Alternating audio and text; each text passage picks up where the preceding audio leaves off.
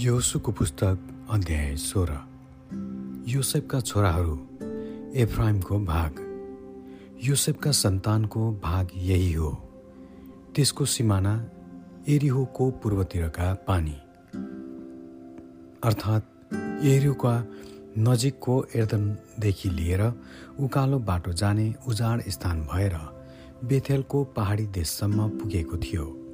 फेरि बेथेलदेखि लुजमा छिचलेर अरकीका सिमानाको अतारोतसम्मै पुगेको थियो।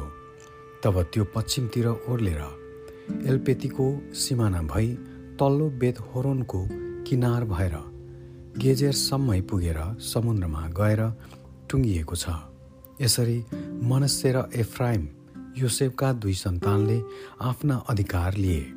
एफ्राइमका सन्तानको सिमाना तिनीहरूका वंश वंशअनुसार यही हो।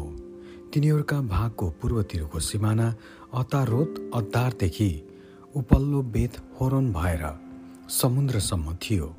त्यो सिमाना उत्तरतिरको मिक्ततात भएर पूर्वतिर फर्केर तानत सिलो पुगी यसको किनार किनार भएर यानोहसम्म छिचलेको छ।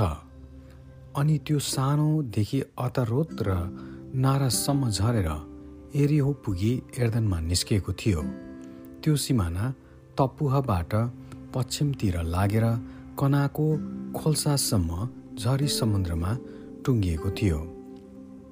एफ्राइमका कुलको अधिकार तिनीहरूका वंश वंश अनुसार यही हो। यसदेखि बाहेक मनस्यका सन्तानको अधिकार मध्येबाट एफ्राइमका सन्तानका निम्ति छुट्याएर राखेका सबै सहरहरू र तिनका बस्तीहरू समेत थिए। तर तिनीहरूले गेजेरमा रहेका कनानीहरूलाई धपाएनन्।